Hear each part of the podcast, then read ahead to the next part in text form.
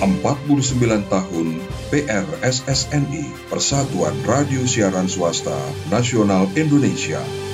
Keluarga besar PRSSNI Persatuan Radio Siaran Swasta Nasional Indonesia.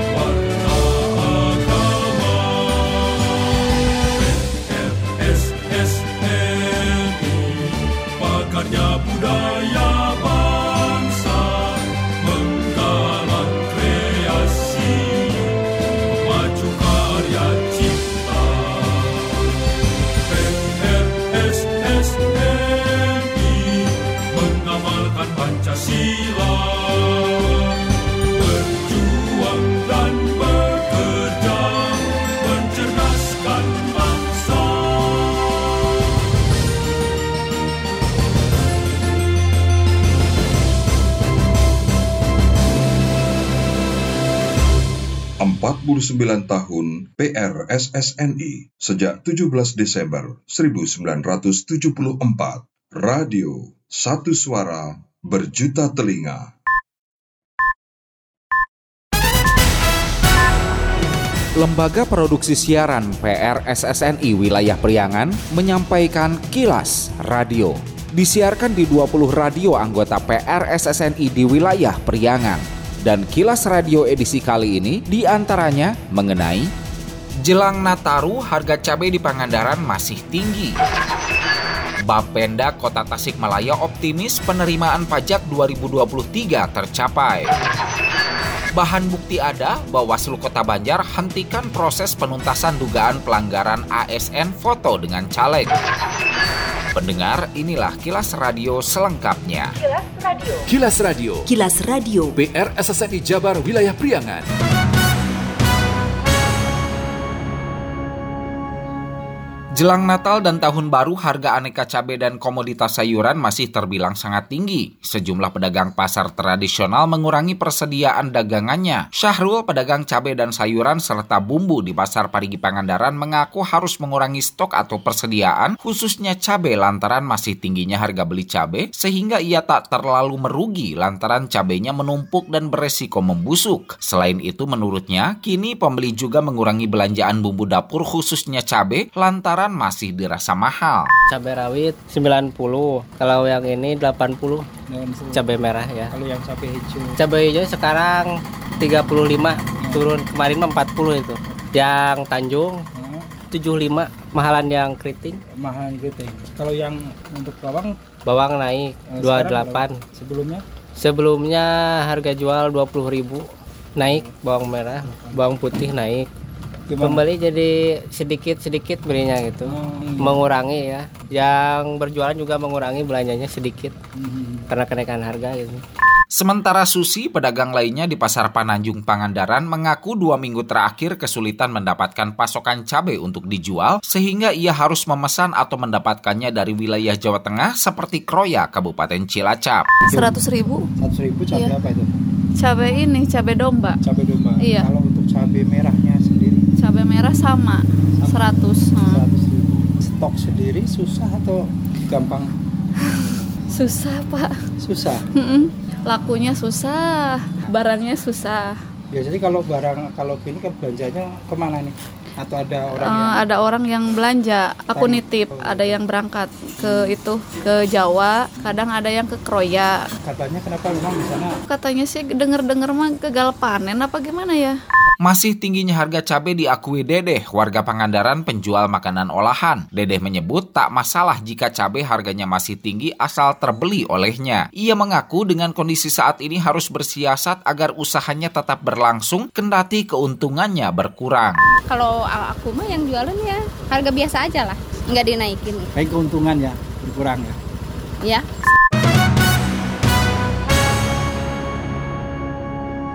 Badan Pendapatan Daerah Bapenda Kota Tasikmalaya optimis tingkat kesadaran dan kepatuhan para wajib pajak restoran semakin tumbuh sehingga tahun ini target pendapatan pajak terpenuhi. Penegasan disampaikan Kepala Bapenda Kota Tasikmalaya Hadi Riyadi saat pembinaan pajak daerah di Harmoni Hotel Tasikmalaya belum lama ini. Menurut Hadi, pajak merupakan sumber pendapatan daerah yang dimanfaatkan untuk mendanai program pembangunan sehingga dengan taat bayar pajak adalah bukti kontribusi nyata dalam mendorong pembangunan kota Tasikmalaya. Karenanya, pembangunan maupun pelayanan publik akan meningkat jika penerimaan pajak daerah juga meningkat dan berbanding lurus. Ia menyebut secara keseluruhan target penerimaan pajak daerah Kota Tasikmalaya 2023 sebesar 162 miliar rupiah. Sementara untuk pajak restoran, target tahun ini 30 miliar rupiah, itu pun hingga akhir November telah mencapai 90 persen. Secara keseluruhan targetnya sekitar 162 miliar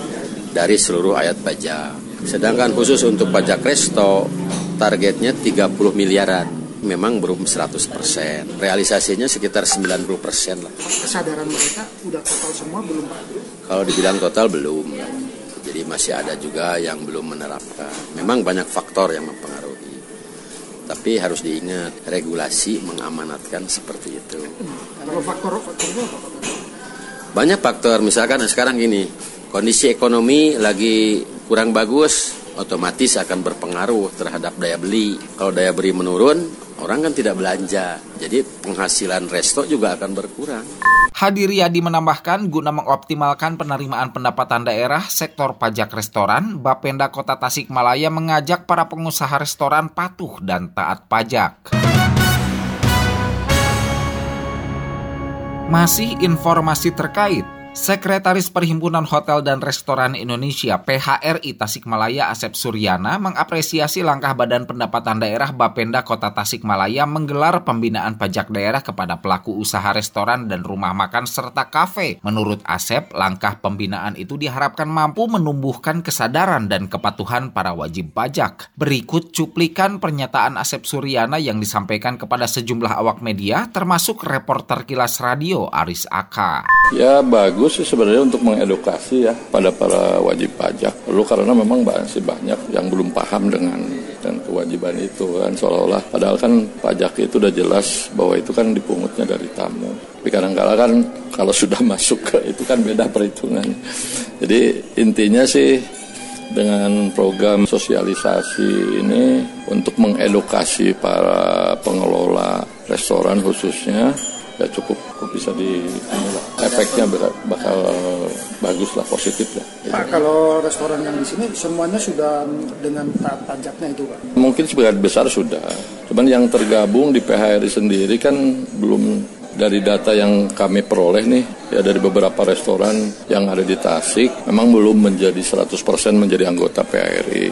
Baru dari 45 restoran ya rumah makan yang ada di Tasik itu baru baru lima yang yang menjadi anggota. Jadi masih masih banyak lah yang yang belum jadi anggota. Tapi kelihatannya semua sih kalau untuk masalah pajak sih mereka sudah bisa menjalankan.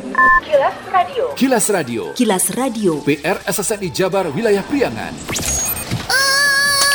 Naon si On? Nasi di jalan ada mah mun lobang mun eta gambar-gambar kotengan harapul we sapanjang jalan ya. Emang mana teu apal mun ayeuna teh geus mulai masuk musim pemilu. Kira-kira ya mana bakal milih saha On? Ah, orang mah jaga rek golput atuh. Soalnya bingung rek milih saha bimbang hate. Ye, mana mah kumaha sih lamun bingung teh ulah golput On. Ayeuna namanya radio teh geus jadi sumber informasi yang pemilu anu kredibel On. Hah? Ya gitu.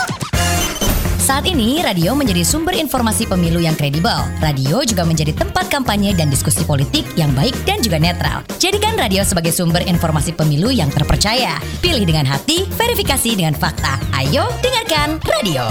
Radio, satu suara berjuta telinga. Iklan layanan masyarakat ini dipersembahkan oleh PRSSNI Jawa Barat. Bila Anda mendapatkan hal-hal atau peristiwa penting untuk diliput oleh tim Kilas Radio, hubungi hotline servis kami, SMS atau WA ke nomor 0813 2424 5911 0813 2424 5911 Info Pemilu. Info Pemilu.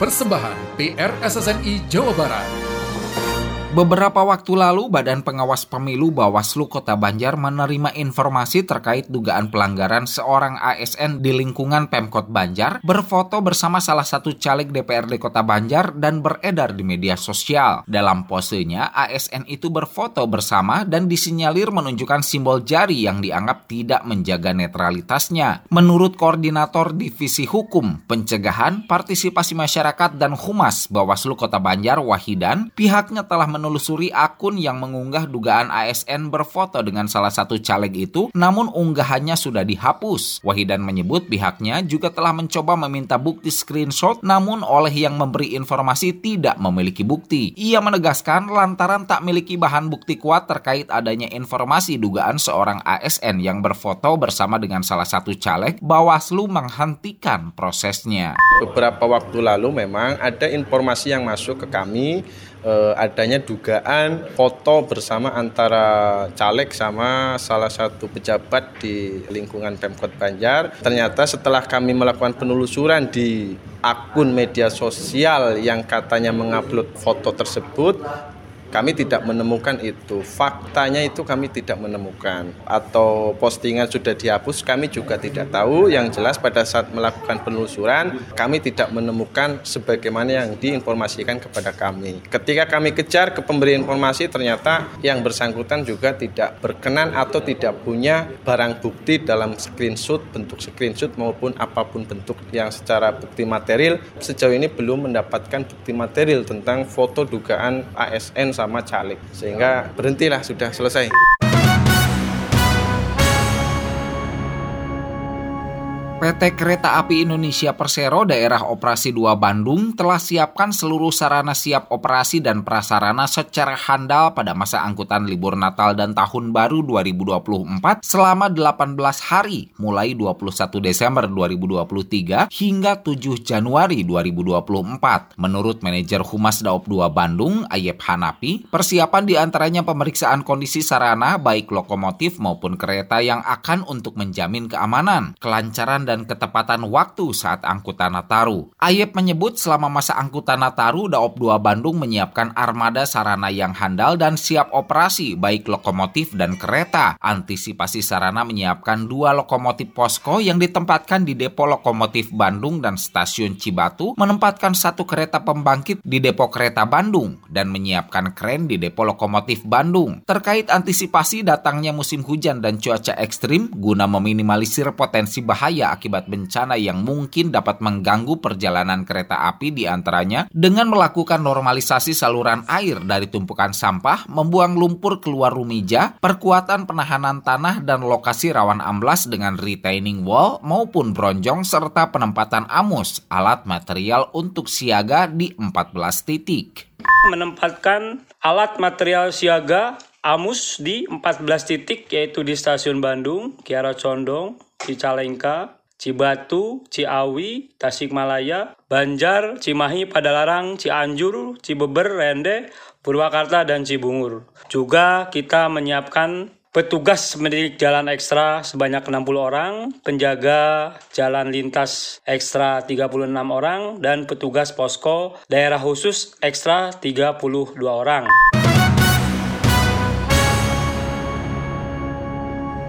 Ikatan Arsitek Indonesia IAI Jawa Barat dan Yayasan Arsitektur Hijau Nusantara Yahintara berkolaborasi dengan pemerintah Kabupaten Pemkab Garut dan Institut Teknologi Garut ITG menggelar acara bertajuk Lalampahan di Garut Pangirutan di area Kecamatan Garut Kota Minggu 17 Desember. Lalampahan di Garut Pangirutan merupakan kegiatan jalan-jalan menelusuri area perkotaan Garut dengan mengunjungi beberapa bangunan lama atau bangunan heritage yang ada di area perkotaan Kabupaten Garut. Selain itu, diadakan juga lomba sketsa dan fotografi beberapa bangunan heritage yang ada di Kabupaten Garut. Kegiatan diikuti para peserta yang merupakan arsitek profesional, mahasiswa arsitek, hingga masyarakat umum dengan rute beberapa bangunan heritage di area perkotaan seperti Babancong, kantor kecamatan Garut Kota, stasiun Garut, hingga kantor pos Garut. Para peserta dilepas secara langsung Bupati Garut Rudi Gunawan. Rudi menerangkan dulu 1872